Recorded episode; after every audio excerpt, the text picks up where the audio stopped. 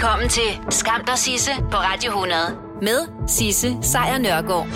Ja, velkommen til. Det her, det er som bekendt bare en podcast. Hvis du vil høre The Real Deal, så er det hver dag. Men nu har jeg altså samlet det, som jeg synes, der er skamløst godt fra sidste uges program i en podcast til dig. Hey, det var så lidt. Skam der Sisse på Radio 100 præsenterer dagens skamløse øjeblik. I fredags der blev en lang række af toneangivende bloggere og de såkaldte influencers, som det hedder, bedt af Rigspolitiet om at sige, at øh, de var hjemme, og de synes andre skulle blive hjemme. Sådan så unge mennesker gjorde det samme. Det, det gjorde Rigspolitiet, fordi det har i det hele taget været lidt svært at overbevise nogle af de øh, lidt yngre mennesker om, at de ikke kan ses med vennerne for tiden. Selvom det går betydeligt bedre nu, end det gjorde for bare en weekend siden. Men det er altså en reaktion, som man kan se i hele verden. Det er ikke en, der er typisk dansk. Søndag for eksempel, der annoncerede Tysklands forbundskansler Angela Merkel et, øh, et såkaldt regulært kontaktforbud. I de næste to uger, mindst, der må flere end to mennesker ikke samles. Og det sker altså efter, at unge tyskere her i, øh, i weekenden holdt sådan nogle store såkaldte coronafester i, øh, i landets parker. Det er nyhedsbureauet AP derude med den her historie. Og det er jo fordi, at natklubber er lukket, og folk er beordret til at holde sig indenfor, og så har de unge simpelthen kastet sig ud for at holde fester sammen i parker. Og det har altså været sådan, at politiet har måttet lukke dem. De, øh, de unge mennesker, de festede ikke bare, de var også ude og chikanere ældre og udsatte borgere, som jo er særligt sårbare. Og øh, det var sådan noget med at råbe corona og huste folk ind i hovedet, fordi de synes, det var sjovt. Og altså, ja, man er jo idiot, indtil man bliver ældre. De seneste tal fra Tyskland viser, at over 24.000 øh, mennesker er smittet med coronavirus, og indtil videre lige under 100 mennesker døde. Men det er heller ikke kun i Tyskland, det sker.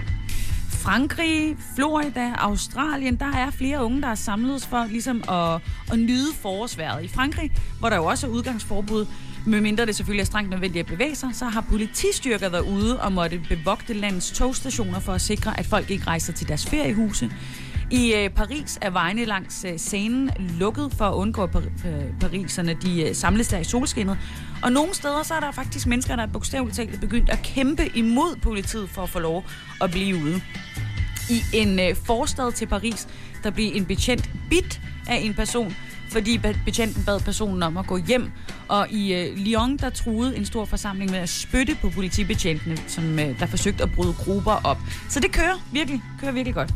I Spanien, som der jo har det næsthøjeste smittetal i Europa, der er helikopter nu sendt i luften for at holde øje med, om folk samles i storbyens parker.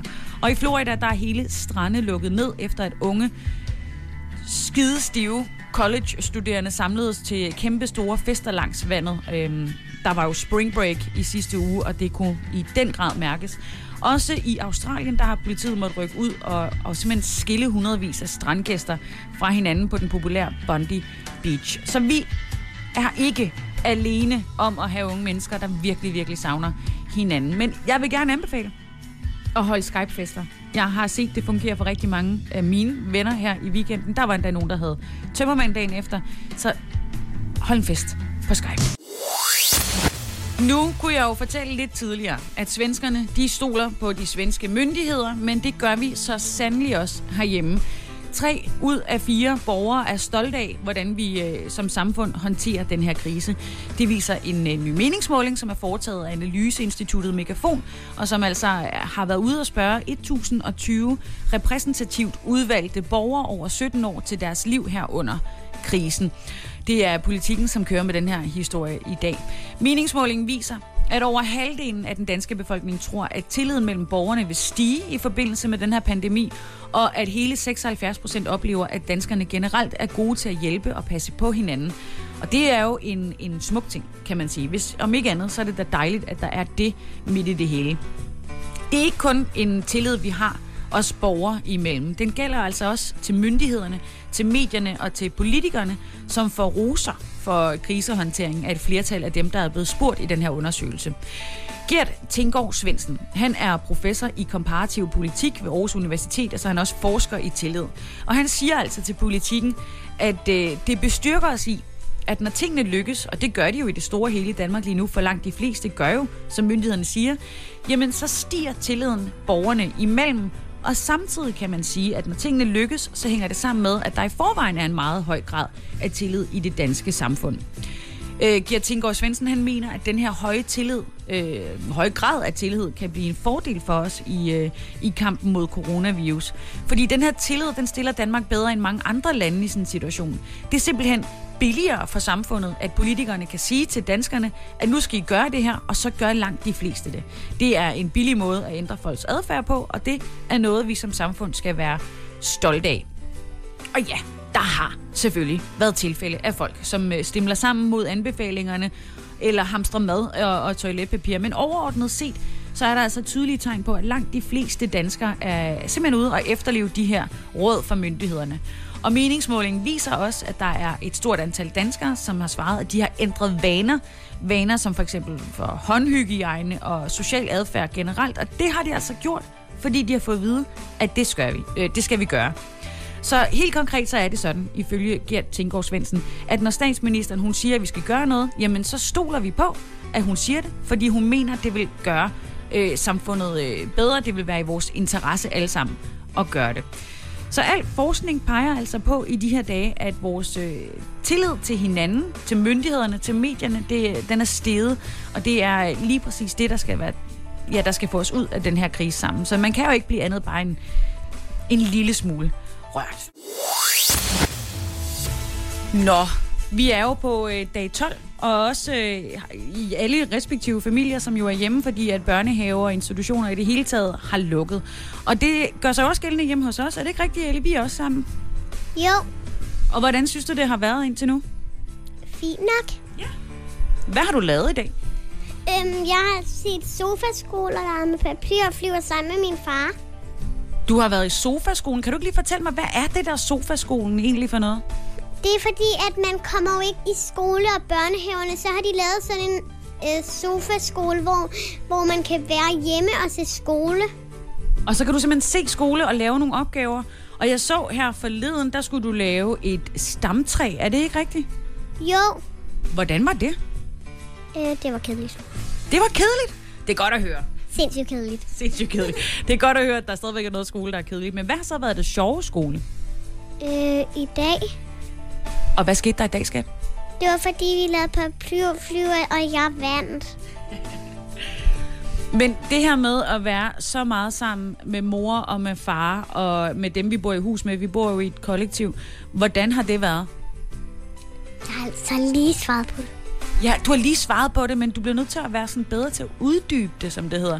Fortæl lidt mere om det. Hvad, hvad, går, hvad går dagene med ud over sofaskolen? Øh, det, vi øh, hygger nogle gange om aftenen og spiser slik og ser to lange tegnefilm måske.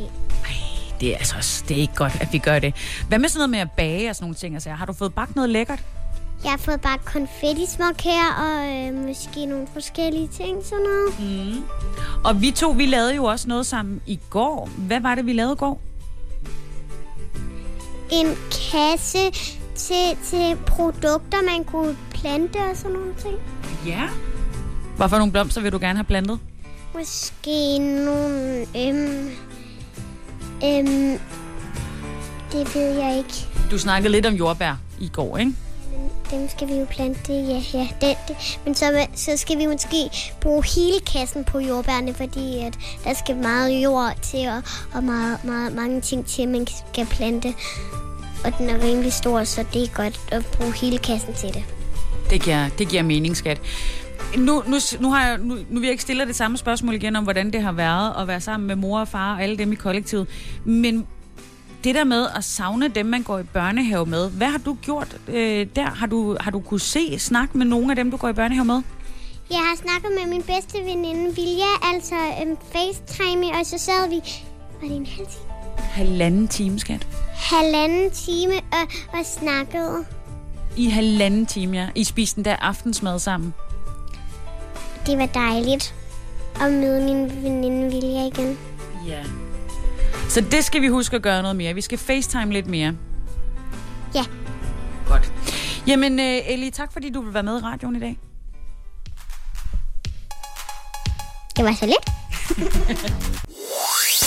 For første gang Siden 2003 så holdt en svensk statsminister i aftes en tv-tale til nationen. Og på den baggrund så var der sikkert en del svenskere, som var forberedt på, at nu skulle der være nye indgreb i deres personlige frihed for ligesom at bremse spredningen af coronavirus. Og det tror jeg også, vi var mange andre, der troede. Men det skete ikke. Nej. Statsminister Stefan Löfven, han, øh, han nåede med at sige, at der kan komme flere beslutninger, altså flere indgribende beslutninger i, øh, i det kommende stykke tid. Men indtil videre, så øh, fortsætter de altså, som de har gjort indtil videre. De har nemlig valgt i Sverige en, øh, en mindre indgribende tilgang til den her pandemi, end stort set alle andre lande i Europa. De har for eksempel sagt, at man højst må samles 500 mennesker. Grænserne de er delvist lukket, og der er også elever, der er sendt hjem fra gymnasier og universiteter, men langt de fleste grundskoler, børnehaver og den offentlige sektor generelt kører videre. Helt som normalt. Og så griner de lidt af os hernede i, øh, i Danmark, for de mener, at vi har gjort alt, alt for meget men i sin fem minutter lange tale her i aftes, så advarede statsministeren altså om, at der kan komme nye forstyrrelser i deres øh, hverdagsliv, som ellers øh, kører ret normalt. De kan være på vej. Og han sagde også, at han er sikker på, at alle i Sverige vil tage ansvaret på sig, øh, for at kunne øh, se tilbage på krisen, på krisen her, og så være stolte over deres indsats og øh, deres medmennesker. I Sverige, der er det sådan, at virusen primært er et storbyfænomen. Der er udbrud i Stockholm, i Malmø, Göteborg og Uppsala. Men der er også store områder, som der er mindre tæt befolket, og de har altså ikke rigtig oplevet den helt store øh, smittespredning. Myndighederne de er så opfordret til, at man ikke rejser imellem regionerne i Sverige, for ligesom ikke at sprede øh, smitten. Og så vil der blive oprettet et felthospital i den sydlige del af Stockholm for at forberede sig på et tungt pres på sundhedssystemet. Så de ved godt, at det er i gang. De ved godt, der kommer til at ske noget, men det er ikke på samme måde som øh, herhjemme. Lederen af det, der hedder Folkhälsomyndigheten, det er øh, den danske, eller den svenske pendant til Sundhedsstyrelsen, han hedder Anders Tegnell. Det er deres Søren Brostrøm. Og han har altså vagt betydeligt opsøgt både Danmark, men også sådan i andre lande, på grund af sin lidt mindre, hvad kan man kalde det, indgribende tilgang til den her pandemi. En, øh, en meningsmåling fra instituttet Novus viser dog, at tilliden til Folkhälsomyndigheden er vokset markant i den svenske befolkning, og på en uge der er andelen, som udtrykker meget høj tillid til myndigheden, steget fra 19% til 32%, og 78% af dem, der blev spurgt, har nu en meget høj høj eller middel tillid til Folkhælsmyndigheden. Så de, de stoler på sundhedsmyndighederne myndighederne i Sverige. I USA, der kæmper de også i den grad mod coronavirusen lige nu, og en af dem, som er blevet testet positiv for coronavirus, er den øh, voldtægtsdømte tidligere filmproducer Harvey Weinstein. Det oplyser formanden for delstaten New Yorks forbund for fængselsbetjente, en fyr, som hedder Michael Powers. Og øh, Weinstein han er nu blevet sat i isolation i et topsikret øh, fængsel, og nu frygter man altså for fængselsbetjentene, som mangler øh, ordentligt udstyr til at beskytte sig imod viruset. Der er allerede flere af betjentene, som er blevet sat i, øh, i karantæne. Harvey Weinstein han blev den øh, 11. Marts idømt 23 års fængsel for seksuelt overgreb mod en tidligere produktionsassistent og øh, for grund af voldtægt af en skuespillerinde. Og efter sin øh, dom, der bliver han altså først indlagt på et hospital på Manhattan i New York, fordi han havde hjerteproblemer. Men da det ligesom var løst, om man vil, så bliver han altså sendt i fængsel. Men han lider ud over de her hjerteproblemer også med diabetes og forhøjet blodtryk, så det er på alle måder en rigtig elendig situation at være ramt af virusen i, for han er jo i risikozonen i den grad også. Men udover Harvey Weinstein, så er mere eller mindre hele Amerika blevet taget med bukserne nede, bortset fra, at resten af Amerika ikke er blevet taget på den her MeToo-agtige måde. I øh, New York, der er mindst 10.000 mennesker, bliver erklæret positive med coronavirus.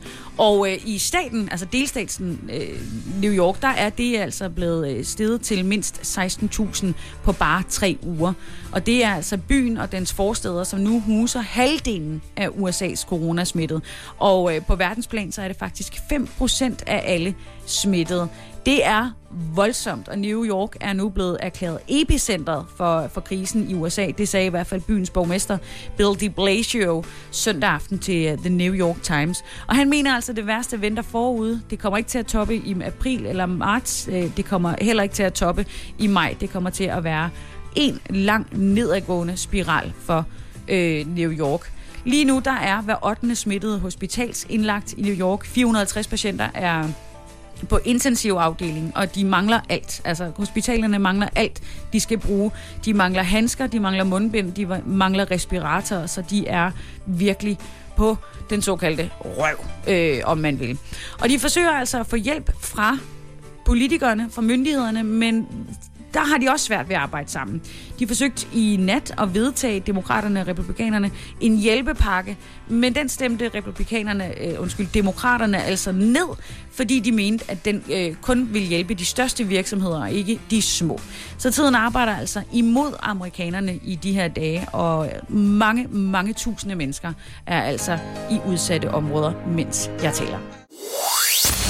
Og selvom vi alle sammen er indspærret de her dage, så stopper det jo ligesom ikke folk i at være kreative. Tværtimod, det er som om, at øh, folk eksploderer i kreativitet. Vi har hørt om mennesker, som får hele højhuset til at dyrke sport på altanen ved at stå i gården og dirigere dem. Og så er der masser af kunstnere, som giver koncerter online eller viser operaforestillinger i parken med behørig afstand selvfølgelig. Altså vi er kreative, og det er vi også med aktivering af børnene. Der skal laves hjemmeskole, der skal klippes, der skal klistres, og man skal på en eller anden måde oven i alt det her også forsøge at få en form for sport og aktivering ind i midten. Med andre ord, der er masser af idéer lige nu. Og så er der også dem, der leverer online. Det gælder for en øh, kvinde fra Storbritannien. Hun øh, er mor til et par stykker, og derudover også godt gift. Og hun havde altså lyst til og smadre sin mands hoved med et bat og vinke farvel til ungerne efter et par dage. Men så gik hun i stedet, væk, øh, i stedet for i gang med et øh, projekt, og det projekt, det, øh, det kan du høre lige her. At first I was afraid, I was petrified Kept thinking how I'd ever live without the world outside But then I spent so many nights scuffing Chris and necking wine I know it's time to say we're gonna be just fine And so we're here stuck in this room.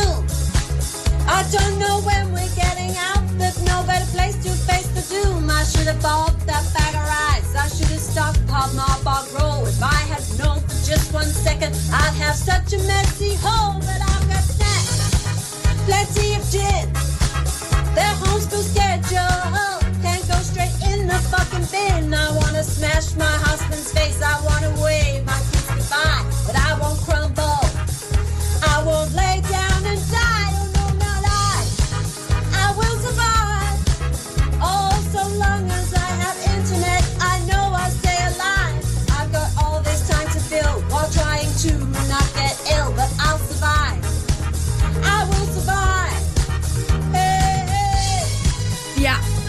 man nemlig også for tiden til at gå med, når man er derhjemme, og man er ved at rive hovedet af dem, man elsker, så man optager en video med... Øh, alternative tekster til. Det har vi jo også gjort her på kanalen. Det er nemlig den, der hedder Karantænesangen. Så øh, kast dig over det, hvis du vil, og send den endelig ind til os. I den ene europæiske lufthavn efter den anden, der lander fly fra Kina i de her dage med øh, udstyr til bekæmpelse af den her epidemi. Sidste tirsdag så var det øh, et fly, der landede i øh, Zaragoza i det nordlige Spanien med øh, omkring en halv million masker fra den kinesiske multimilliardær Jack May, eller Ma. Og øh, den kinesiske ambassade i Spanien tweetede billeder af de to landes flag, som sådan symbolsk giver hinanden hånden, og det udnyttede New China TV med det samme til at lægge en video ud på YouTube. Altså de kinesiske myndigheder sørger virkelig for, at nyheden om, at Kina kommer EU to the rescue. Den kommer ud. I weekenden der var det Athen, som modtog en halv million beskyttelsesmasker. Frankrig har også været heldige. Belgien, Holland, Ukraine, Tjekkiet, Polen, Italien og Serbien har alle sammen modtaget udstyr. Og i går der var det vores tur. I går der landede et fly fra Kina i Kastrup Lufthavn, og ifølge Dansk Erhverv, så var der altså en halv million masker, 50.000 øh, testinstrumenter og øh, 5.000 beskyttelsesdragter i det her fly. Og det er jo udstyr, som vi meget gerne vil have. Det er stærkt velkommen, det vil redde liv, men der er også noget andet, fordi det handler om global magtpolitik. Det skriver politikken i dag.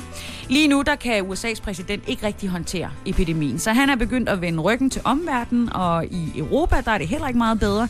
Der har de europæiske lande altså svært ved at finde plads til at hjælpe hinanden, og det udnytter Kina. De swooper lige ind, og det gør de altså ved hjælp af deres overskud af tidens mest eftertragtede ting, nemlig beskyttelsesmasker, tests og respiratorer.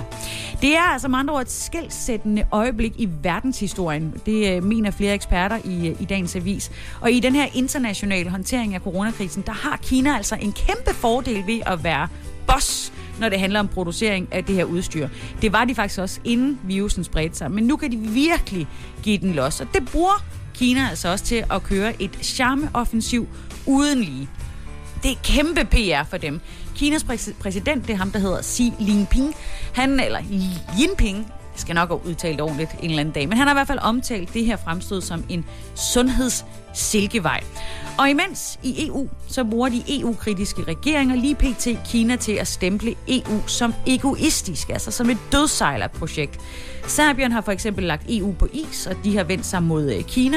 Og Italiens højreleder Matteo Salvini, han er ude simpelthen at beskylde EU for at svigte Italien. Da virusen ramte øh, Italien meget hårdt, så var der for øh, ikke rigtig noget EU-land, der kunne, der kunne hjælpe. De svarede ikke på, om, om de kunne hjælpe. Og i stedet så kom Kina ind og sendte blandt andet 2 millioner masker, 1000 respiratorer og 50.000 testkits. Altså noget, der i den grad har været med til at redde liv. EU-kommissionens præsident Ursula von der Leyen har også øh, tweetet en stor tak til Kina, men også bemærket i parentes, at EU jo også sendte hjælp til Kina, så det var Kina, der var hårdt ramt af virusen. I januar der sendte EU for eksempel 56 ton udstyr til Kina. Lige nu i Peru, der flyver der en lille fugl rundt, og den fugl har fået navnet, og det ved jeg i øvrigt ikke, om den er bekendt med øh, generelt, men den har fået navnet Nils Krabbe. Er altså en meget sjældenhed, som altså overgår den nu øh, danske biolog og fugleekspert, som hedder Nils Krabbe, for han har nemlig fået den her fugleart navngivet efter sig selv. Og det har altså været en meget lang proces at øh, komme til den ære. Det begyndte under et øh, feltarbejde i Andesbjergene i Peru tilbage i 1983. Der fik han øh, et kort glimt af den her fugl, og han nåede også at optage sådan en lille lydsekvens af dens øh, sang. Og så her i dag, 37 år senere, der står det altså klart, at der er tale om en øh, selvstændig art af Tapaculur det er en fuglefamilie. En, en fuglefamilie, som lever i Andeskæden fra Colombia til Ildlandet. Og en af de her øh, selvstændige arter under tapaculoren er nu simpelthen flyvende ved navn Nils Krabbe. Det er meget fint. Altså nu bliver den her lille uanselige, som øh, den åbenbart er, en lille bitte babyfugl, øh, en brungrå fugl af en art på størrelse med en musvit, den flyver altså rundt og hedder Nils Krabbe. Øh, og det er jo, fordi Niels Krabbe i øh, fire årtier simpelthen har udforsket fugle i, øh, i Sydamerika. Den har også et latinsk navn, men det vil jeg ikke kaste mig ud i. Øh, og når det så bliver godkendt af ornitologernes øh, internationale union, så er det her latinske navn altså det, der kommer til at stå i fuglebøgerne som sådan. Men det er altså første gang i nyere tid, at en fugl opkaldes efter en dansker. Og Niels Krabbe selv, han er også ude og sige, at det er en stor ære. Man navngiver ikke en fugl efter sig selv. Det skal andre gøre for en, og det er jo altså det, der er sket.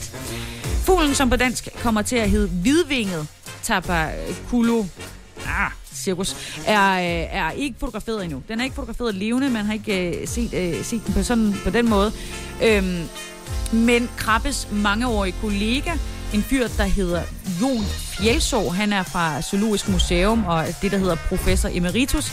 Han er også illustrator, og han har altså tegnet arten, så man kan godt se et billede af den, bare ikke et såkaldt fotografi.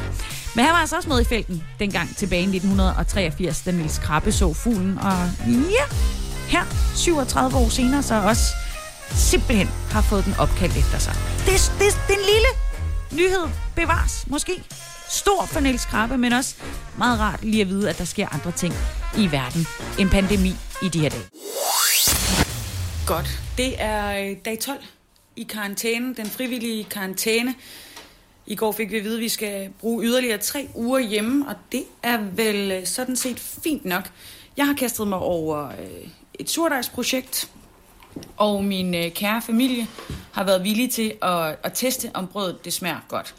Og min familie består som bekendt af Ellie på 5 år og Esben på 33. Ja. ja. det er rigtigt. Og nu har I smagt brødet, og jeg har fået min øh, optager til at virke.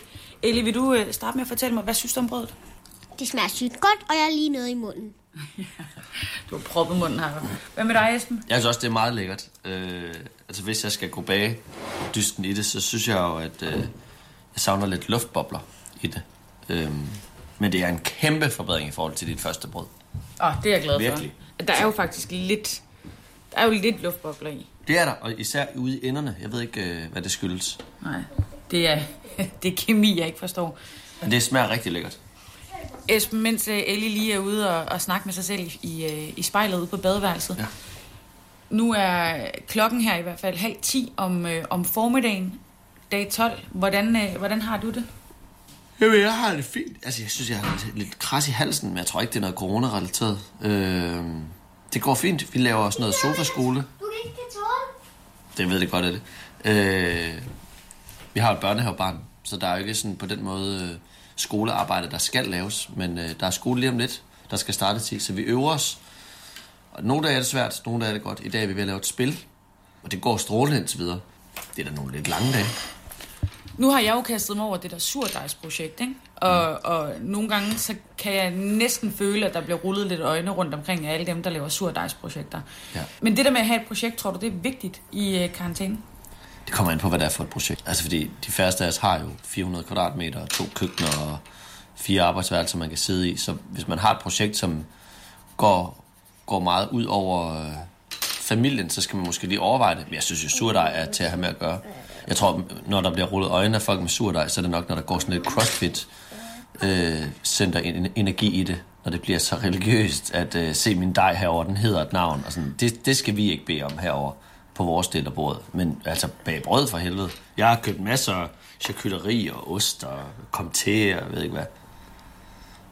Det er ikke nu, jeg skal fortælle, at min dej hedder Lizzie. Nej, det, skal vi, det vil vi ikke høre på. det vil vi ikke høre på. Alright. Jamen, øh, hvad med dig selv? Har du nogle øh, projekter, som du øh, overvejede at kaste over i løbet af de næste øh, tre uger? Altså, jeg startede på et projekt øh, om at lære fransk for en måned siden. Og det er jo så lidt vingeskudt nu, fordi øh, Ulla, min forrygende fransklærer, jo ligesom alle os andre, er lockdown. Og jeg vil ønske, at jeg kunne sidde og lave lidt mere med det, men igen, det er bøvlet, når I er her hele tiden. For jeg vil gerne bare sidde jo og sige det højt ud i rummet. Så hvis man lige pludselig kan høre dårligt udtalt je voudrais over i baggrunden, så er det bare mig. Øh, men det kunne jeg godt tænke mig at bruge mere tid på. Ja. Men det er lidt svært, når der hele tiden er et, især et barn. Og dig, der står og bøvler. Det er perfekt, det. Så Hvad har du lavet, Ellie? det er spillet. Det er spillet. Så du har simpelthen gang i et spil. Hvorfor er det, du er i gang med at lave et spil? Det sagde de i sofaskolen. Okay, så man kan sige, at alle i huset på nær dig, Esben, har faktisk en, øh, en form for hobby i de her dage. Jeg har jo også mit fransk. Det er bare svært at komme til det. Jamen, øh, hvad siger I til, at jeg laver lidt mere øh, surdejsbrød til morgen, og så tester I? Jeg synes, vi skal måske også lige holde lidt igen med brødet. Jeg synes, vi spiser hele tiden. Bauhaus får du nye tilbud hver uge. Så uanset om du skal renovere, reparere eller friske boligen op, har vi altid et godt tilbud. Og husk, vi matcher laveste pris hos konkurrerende byggemarkeder. Også discount byggemarkeder. Bauhaus. Altid meget mere at komme efter. Er du på udkig efter en ladeløsning til din elbil? Hos OK kan du lege en ladeboks fra kun 2.995 i oprettelse, inklusiv levering, montering og support. Og med OK's app kan du altid se prisen for din ladning og lade op, når strømmen er billigst. Bestil nu på OK.dk. Det Faglige Hus har et super godt tilbud til alle lønmodtagere. Lige nu får du gratis fagforening i 6 måneder, når du også melder dig ind i A-kassen. Du sparer over 500 kroner. Meld dig ind på detfagligehus.dk. Danmarks billigste fagforening med A-kasse for alle. Du vil bygge i Amerika? Ja, selvfølgelig vil jeg det. Reglerne gælder for alle. Også for en dansk pige, som er blevet glad for en tysk officer. Udbrændt til kunstner. Det er jo sådan, at direktør Conradsen, han ser på mig. Jeg har altid set frem til min sommer. Gense alle dem, jeg kender. Badehotellet den sidste sæson. Stream nu på TV2 Play. I 1987, der fik vi det, der hedder børnetelefonen. Og her under coronakrisen 2020, der har vi altså fået det nu, der hedder, tada, telefonen. Fordi det er ensomt derude. Det er ensomt, når man ikke må se sin familie, man må ikke kramme sine børnebørn, vennerne kommer ikke på besøg. Og den her ordning med besøgsvenner, den er også blevet, øh, ja, stanset, fordi det vil være fuldstændig tåbeligt at sende en masse mennesker ud til ældre lige for tiden. Så derfor så rykker ældresagens ordning med de her besøgsvenner til ældre, som savner samvær. Den rykker her under coronakrisen over på telefonen. Så nu kan ældre altså få en telefonven som en øh, erstatning for de her tabte besøg. Ordningen med ældres besøgsvenner er jo en af de ordninger, der lider en hel del under de her påbud og opfordringer til at minimere social kontakt, som regeringen jo er kommet med. Fordi samtidig så opfordres folk jo til at minimere besøg hos venner og familie, hvilket jo også især rammer de ældste familiemedlemmer ekstra hårdt. Ældresagen de forsøger så i stedet for at tilbyde ældre øh, samvær over telefonen, altså hvis de ønsker det selvfølgelig. Og derfor så øh, søger ældresagen også både ældre øh, og telefonvenner, fordi på mange måder så har det her coronavirus spændt ben for lige præcis besøgsvennerne, som faktisk ifølge ældresagen var klar med en offensiv her i, øh, i foråret 2020. Ældresagen havde nemlig slået sig sammen med forsikringsselskabet Kodan, og de sammen øh, skulle så finde omkring 1000 besøgsvenner til de her ensomme mennesker, som, øh, som ordningen altså manglede for at have balance mellem antallet af frivillige og ældre, som jo altså ønskede kontakt. Ifølge ældresagen så havde man også fundet de her frivillige og var ved at sætte dem i kontakt med de ældre, da så coronaviruset ligesom kom til Danmark. Så nu stopper, det er jo ligesom altså det sammen med øh, myndighedernes tiltag for at inddæmme spredningen, så du stopper både for det, men også for alle mulige andre fremskridt, som ældresagen havde gjort. Men det skal være løven, det skal på telefonen, vi skal ud og snakke med mennesker, skal vi, fordi ældre og personer, der ønsker at være med i den her ordning for telefonvenner, det kan jo det kan jo være, det kan jo være sådan en som dig, som der lige kunne tage og løfte røret en, øh, en halv time tid hver dag og, og snakke i telefon med en, der savnede nogen at snakke med. Men så kan du tilmelde dig øh, på, øh, på det telefonnummer, jeg kommer med nu, nemlig 82 82 03 00. Og var det en, knallerfod foran mit vindue. Altså 82 82 03 00. Og så kan man altså øh, få lov at hjælpe til at, at tale med dem, som er ensomme derude, og det kan jo både være ældre, men også mennesker generelt, som ikke rigtig har nogen at snakke med. Så gør det. Virkelig. Ind og kig på Ældresagens øh, hjemmeside. Der står meget mere om øh, projektet, og kom i gang med at tale med nogle mennesker, som du normalt ikke vil tale med.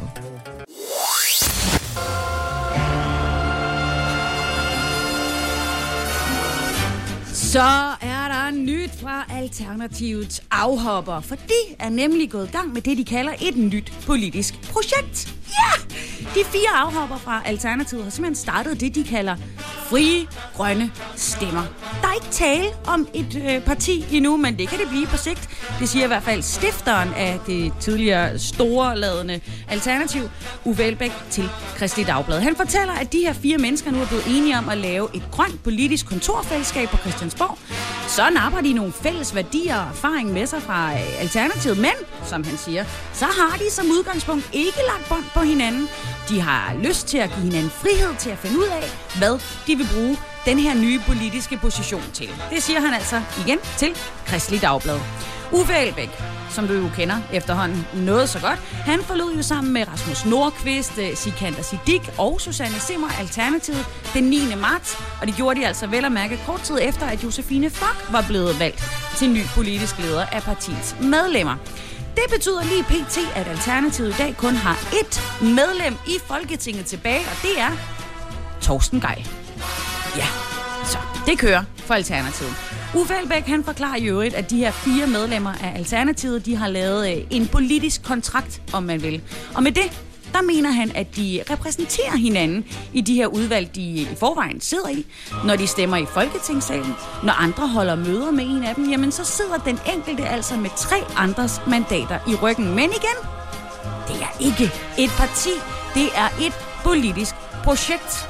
Uwe Elbæk, han siger, at det er ukendt territorie. Juridisk set er vi ikke noget parti, men vi er alligevel en gruppe. Og den her gruppe, altså de frie grønne stemmer, de vil i øvrigt holde et ugenligt gruppemøde, som andre partier også gør. Så altså, Uffe, han vil ikke længere lave politik med Alternativet. Han forlod det. Det blev overhældt med benzin og Josefine Fock. Og så smed han altså en tændt tændstik lige ind i bunken, sådan helt Hvis jeg ikke kan få lov, så kan ingen få det her til at svinge. Og sådan blev øh, Josefine Fock, altså Alternativets leder, vel at mærke uden egentlig at have en reel folketingsgruppe at dirigere rundt med, fordi de her fire mennesker, de altså er smuttet. Det var jo de her fire mennesker, der også ønskede, at Rasmus Nordqvist skulle være leder. Og hvem ved, måske kan han så blive det fremover i det her, der ikke er et parti, men et nyt politisk projekt. Det opfører sig som et parti, de mødes som et parti, de stemmer sammen som et parti, og de er i det hele taget et parti, men de har altså ikke et parti endnu. De har det, der hedder et politisk projekt. Ja, altså de frie, grønne stemmer. Skam dig, Sisse på Radio 100 præsenterer Skamløse fornøjelser. Vi er jo alle sammen i risiko for at blive ramt af den her virus i de her dage, men der er nogle mennesker, som er i måske en større risiko end os andre, og der mener jeg, at de også kan blive ramt på deres levebrød. Det kan jo for eksempel være de små virksomheder, restauranter, butikker og kulturaktører, som altså kæmper lige nu mod at undgå en konkurs, fordi de jo ikke er lige så godt økonomisk polstret som de store firmaer. Men i København, der er en lang række af små initiativer begyndt at pible frem, og jeg har besluttet mig for at dele ud af dem. Simpelthen fordi det kan jo være, at andre mennesker end københavnere faktisk også kan få succes med det her. For eksempel så er mit nabo her på Nørrebro, en øh, café, der hedder Depanør, lige nu i gang med at lave en øh, kampagne, som hedder Let's Stick a Lime in This Corona. Der kan man simpelthen støtte en lang række spisesteder her i øh, kvarteret øh, ved at købe en t-shirt. Det er øh, penge, man giver, så kan man lige tage t-shirten på og vise, at man er en øh, stand-up kind of neighbor, og så øh, går pengene altså til de her små virksomheder, øh, caféer, restauranter osv., som altså har brug for de her penge til at, at klare sig igennem krisen på. Der er også en mulighed for at købe gavekort alle mulige steder. Der kan du øh, lige give en lille kapitalindsprøjtning i en tid, hvor der altså kun er udgifter og ingen indtægter. Det er også en måde at gøre det på. Simpelthen bare bestille til bedre tider. Der er helt konkret en pølsevogn på Nørre, eller på Østerbro øh, i København, der hedder Peters Pølser. Og ejeren hedder også Peter, og han har fået lavet et øh, litografi af en kunstner, der hedder Sasha Lind, og det er trygt i 200 eksemplarer. Man kan købe et af dem, det koster 1000 kroner, og så går pengene altså både til kunstneren og til pølsemanden. Så på den måde, så får man noget pænt på væggen, og hvis man henter det efter krisen, så får man også en hotter med i købet. Det er også en god idé. Så er der jo en række kulturinstitutioner, som også har tænkt videre. Øh, også på Nørrebro, der er der et teater, der hedder Gro, og de har foreslået et publikum, der har billet til en aflyst forestilling, at de kan veksle den til gavekort eller nye billetter, og i stedet for så at få pengene øh, tilbage, så får de simpelthen en ekstra billet oveni. Det er en god idé. Men man kan også faktisk livestreame rigtig mange arrangementer lige nu. Det er teatre, det er biografer og musikere, som er i gang med at livestreame. Øh, der er det, der hedder coronakoncerter.dk. De sender for eksempel øh, live-koncerter fra en stue på Christianshavn. Det er gratis, men har man lyst, så kan man også donere penge til musikerne. Og der er et teater, der hedder Teater Fantast, som altså har livestreamet en børneforestilling, der hedder Lille Frø. Det har de gjort helt gratis. Og filmfestivalen Copenhagen Docs, som er aflyst, lever også videre på nettet. Så du kan altså opleve en masse. Du kan støtte en masse. Du kan spise en masse ting, både nu, men også senere. Og så kan det jo være forhåbentlig, at alle dine yndlingsbutikker, restauranter og bager osv. osv., de også er der, når krisen her er over. Skam dig, Sisse på Radio 100 præsenterer Skamløse fornøjelser. Her i huset, der har vi haft travlt under den her karantæne. En ting, det er job, børn og hverdag. En anden ting er, at så kan vi jo lige få ordnet alle de der praktiske ting i huset, som vi ellers ikke har fået gjort. Og der er, der er sket mange ting. Der er blevet bygget blomsterkasser, der er blevet sat et rigtig fint panel op op igennem vores opgang, der er blevet malet, der bliver hamret og limet, og der bliver skåret, og ja, nogle gange så går det altså galt. Jeg vil ikke nævne nogen navne, men vi har altså været et enkelt smut på skadestuen i den her uge med øh, en far, der havde fået en metalsplint i et øje. Alt er godt. Alt er fint. Der er ikke nogen veje i men overhovedet, men det får mig frem til, at det må vi så ikke fremover. Altså komme til skade. Ja, faktisk, så bør vi helt lade være med at, at lave ting, som i teorien kan ende galt. Hvilket i vores tilfælde her i huset er, øh, ja, stort set, stort set alt. Men rådet er lige nu, Hold dig i ro, så du kan holde dig væk fra skadestuen. Det er i hvert fald været afdelingssygeplejerske for skadestuen på Slagelse og Næstved sygehus, Anja Alexandersen, hun er ude og sige til DR. Det er simpelthen en... Øh, en kombination af en forlænget hjemmekarantæne, det her gode vejr, og så det der med, at vi bare ikke rigtig kan lade være. Der har fået rigtig mange af os til at gå ud og ordne ting, bygge en garage, lægge den terrasse, hamre de ting op, som øh, længe har stået på to-do-listen. Og hvis man så øh, hamrer sig selv gevaldigt over foden, taber en flise eller får ja, en metalsplint i øjet, så kan det altså betyde lange ventetider på skadestuen. Og ved Slagelse sygehus, der er det altså akutberedskabet fra skadestuen, der også lige skal tage imod de her coronaramte patienter. Og der hersker ingen tvivl om, siger de, hvilke patienter, der vil blive prioriteret først. Hvis man kommer ind med et ukompliceret brud på et ben eller en ankel, jamen så kommer man til at vente, fordi de kommer til at prioritere de kritiske coronapatienter først. Det siger altså afdelingssygeplejerske Anja Alexandersen, og det siger hun til DR. Hun kan godt forstå. Det kan vi alle sammen godt. Hun kan godt forstå, hvorfor folk har lyst til at ordne forskellige ting, lave de her hjemmesysler, når nu tiden og vejret er til det. Men alligevel så beder hun os om, at vi lige tænker os en ekstra gang om, inden vi tænder for motorsaven eller kravler op på et tag, fordi det er for vores allesammens bedste at holde sig væk fra venteværelset på skadestuen. Det er både, fordi der kan være folk, der er syge med corona uden at vide det, men også, at vi ikke skal tage pladsen fra alle andre. Derudover, så siger hun også bare lige, det er ikke kun det der med at lave ting derhjemme. Det er også sådan noget med lige at lade være med at sætte sig op på motorcyklen. Lad være med at hoppe på trampolinen med ungerne, når der skal tages en pause. Det er simpelthen bare, øh, nyd det gode vejr. Gå nogle ture langsomt. Forhold dig i ro. Ellers så kan de altså ikke forholde sig til dig, når du ankommer på skadestuen.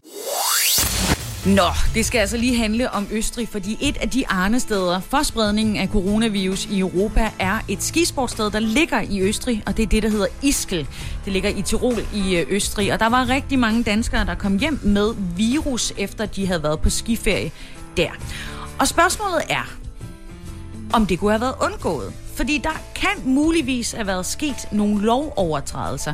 Der var bare, der holdt åbent i mindst en uge efter, de var blevet advaret om, at der muligvis blev spredt sygdom fra stedet. Og det gjorde altså, at rigtig mange vendte hjem fra ferie som syge. Og det er altså også derfor, at landets forbrugerråd nu er gået til anklagemyndigheden for at få den øh, til at indlede en efterforskning af, hvor, hvorvidt vigtige oplysninger faktisk blev holdt for sundhedsmyndighederne. Anklagemyndigheden i Innsbruck har bedt øh, kriminalpolitiet i Tirol om at undersøge, om meldepligten er overtrådt, og om der altså er sket forsømmelser, der har udsat andre for risiko for at blive smittet.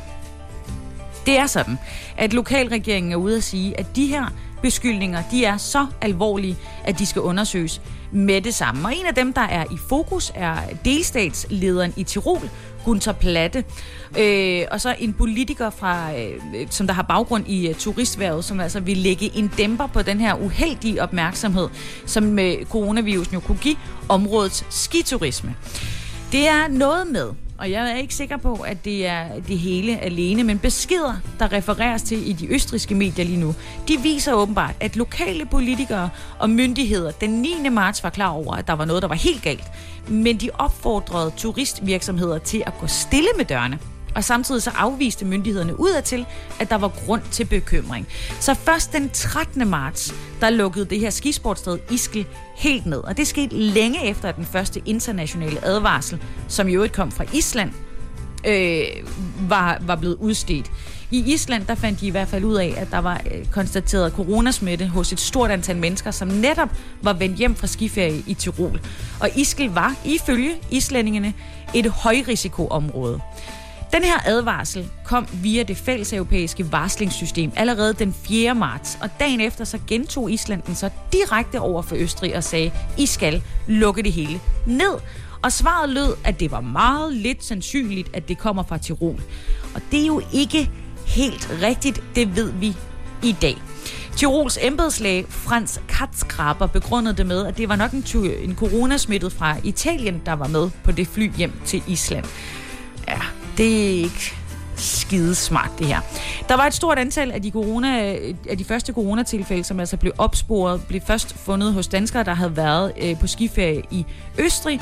Afterskifesterne med drukspil, og der har været propfyldte bar i værtshuset som øh, Kitschlok, de får altså i dag skylden for, at rigtig mange rejste hjem fra deres respektive skiferie med coronasmitte. Så nu vil Forbrugerrådet i Østrig altså kræve erstatning til de smittede fra Tirols lokalregering, hvis de altså får ret. Skam dig, Sisse, på Radio 100. Med Sisse Sejr Nørgaard.